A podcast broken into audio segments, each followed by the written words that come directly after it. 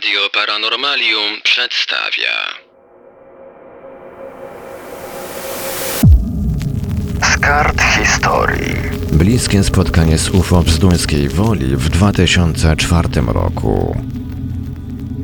Poniedziałkowe przedpołudnie 14 października 2004 roku na dzisiejszej ulicy Braterskiej w Zduńskiej Woli dochodzi do bardzo bliskiego i dość nietypowego spotkania z istotami przypominającymi z wyglądu małpy i stojącym nieopodal pojazdem UFO. Świadkami tego zdarzenia jest piątka dzieci w przedziale wiekowym 13-14 lat. Historia, jakiej doświadczyli tamtego dnia, na zawsze zmieniła ich życie. Zbadał ją Damian Trela, którego opracowanie niniejszym w Radiu Paranormalium przedstawiamy. O sprawie zdarzenia w Zduńskiej Woli po raz pierwszy pisałem na łamach Niestanego Świata w numerze 6 z 2020 roku w artykule pod tytułem Kiedy dzieci widzą UFO. Zwracałem w nim uwagę na silny związek wielu bliskich spotkań UFO z dziećmi. Wiele bardzo ciekawych przypadków, w których zaangażowane były dzieci, nosiło w sobie bardzo wysoki współczynnik dziwności. Opisywany dziś przypadek doskonale wpisuje się w panoramę szerokiego spektrum dziwactwa i absurdu, które notorycznie przewijają się w bliskich spotkaniach. Przyjrzyjmy się bliżej zdarzeniu ze Zduńskiej Woli. 14 października 2004 roku piątka dzieci wybrała się na wagary w Dzień Nauczyciela. W grupce znajdowało się dwóch chłopców, Krzysztof i Mariusz. To dzięki nim udało się poznać po latach tą niezwykłą historię. Pozostali uczestnicy zdarzenia nie chcieli o tym rozmawiać. Chłopcy udali się na pobliską łąkę. W pewnym momencie jeden z nich dostrzegł jasne błyski światła odbijające się od strony znajdującego się nieopodal lasku. Nagle cała piątka dzieci poczuła silny imperatyw udania się w to miejsce. Już w tym miejscu zaczynają się dziać dziwne rzeczy. Odległość, jaka dzieli ich od łąki do granic lasu, to zaledwie 50 metrów.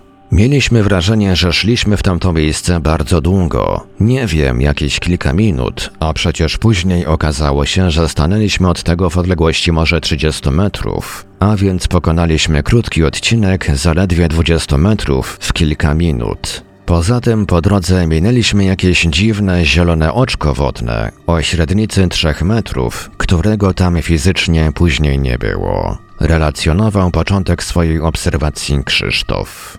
Gdy chłopcy stanęli przed łąką, aż osłupieli z wrażenia. Dostrzegli od pięciu do siedmiu istot wychodzących z krzaków, a za nimi po lewej stronie stał dziwny obiekt, częściowo zakryty przez rosnące w tym miejscu drzewa. Natychmiast przykucnęli do ziemi i bacznie się wszystkiemu przyglądali. Co ciekawe, każdy z chłopców widział przebieg zdarzenia nieco inaczej. Oddajmy głos Krzysztofowi. Zobaczyłem najpierw obiekt, choć trudno to nazwać obiektem. Wyglądało to jak dwa łyse drzewa grubości może jednego metra, połączone w dwóch trzecich wysokości poziomem cieńszym słupem. Przypominało to trochę bramkę do gry w rugby. Obiekt był częściowo zakryty przez rosnące krzaki. Słupy miały może 4-5 metrów wysokości. 40 metrów za laskiem jeździł po polu rolnik ciągnikiem i sprawiał wrażenie, że niczego nie widzi. Za to my zobaczyliśmy, jak z krzaków z lewej na prawą przechodzą istoty, dla mnie wyglądające jak szare małpy. Widać było, że się spieszą i bardzo krzątają. Były czymś zajęte, wspominał Krzysztof. Nieco inaczej widział to Mariusz, z którym także udało się przeprowadzić rozmowę. Twierdził, iż obiekt był w kształcie pionowego prostokąta. Istoty oraz obiekt były koloru czerwonej cegły. Przypominały bardziej ludzi niż zgarbione małpy o nieproporcjonalnie długich rękach i głowie. Mariusz pamięta także poświatę emanującą od istot i obiektu. To właśnie to światło zwabiło ich z łąki w to miejsce. Obydwaj świadkowie zgodnie stwierdzili, że istoty nie były ubrane w żadne kombinezony. Mogły mieć około jednego metra wzrostu i sprawiały wrażenie, że nie zdają sobie sprawy, że ktoś je obserwuje, ale do czasu. W pewnym momencie się zatrzymały i zaczęły patrzeć w naszą stronę. Nagle trawa zaczęła się ruszać. Rosła tam wysoka na 70 cm trawa i widać było, że suną w naszą stronę dwie lub trzy istoty. Zerwaliśmy się na nogi i zaczęliśmy uciekać, mówił Mariusz. Chłopcy tę część historii pamiętali już dość fragmentarycznie, co jest dość charakterystyczne w takich bliskich spotkaniach. Nie pamiętali, jak znaleźli się w domu. Reszta dnia została im po prostu wymazana z pamięci.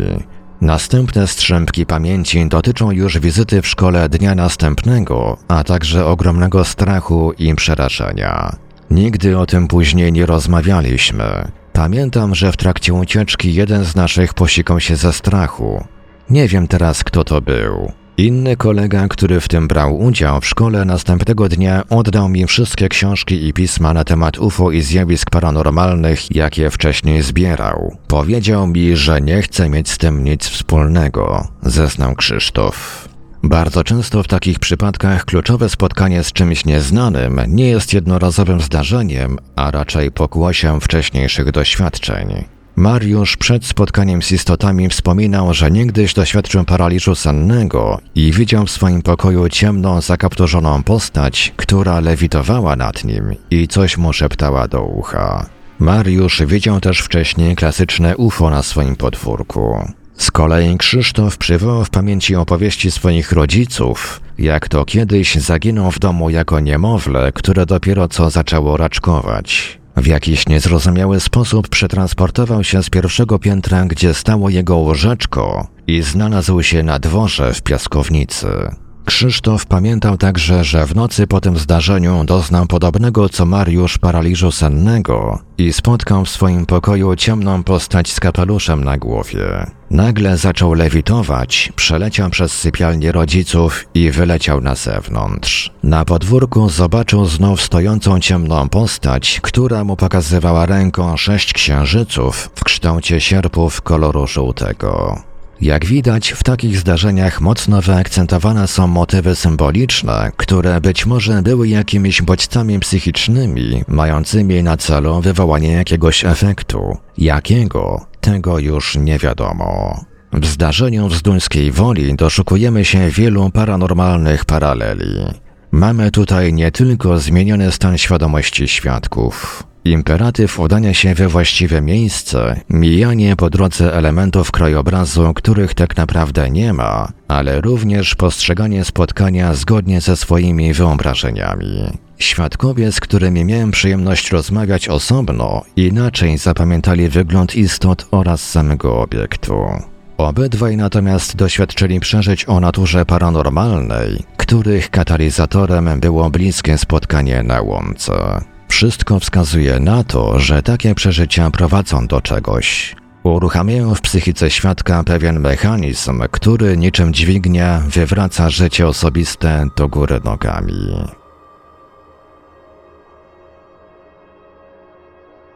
W Radiu Paranormalium zaprezentowaliśmy dźwiękową wersję opracowania autorstwa Damiana Treli. Wersja tekstowa z ilustracjami dostępna jest na jego blogu pod adresem czastajemnicblogspot.com. Czytał Ivelios. Świadków podobnych zdarzeń prosimy o kontakt z Damianem Trelą pod adresem e-mail dam.trela.gmail.com dam.trela.gmail.com Zachęcamy również do nadsyłania swoich relacji o obserwacjach UFO i zjawisk kojarzonych z tym fenomenem do naszej bazy UFO Relacje pod adresem www.ufomyślnikrelacje.pl www.ufomyślnikrelacje.pl Wszystkim świadkom gwarantujemy pełną anonimowość.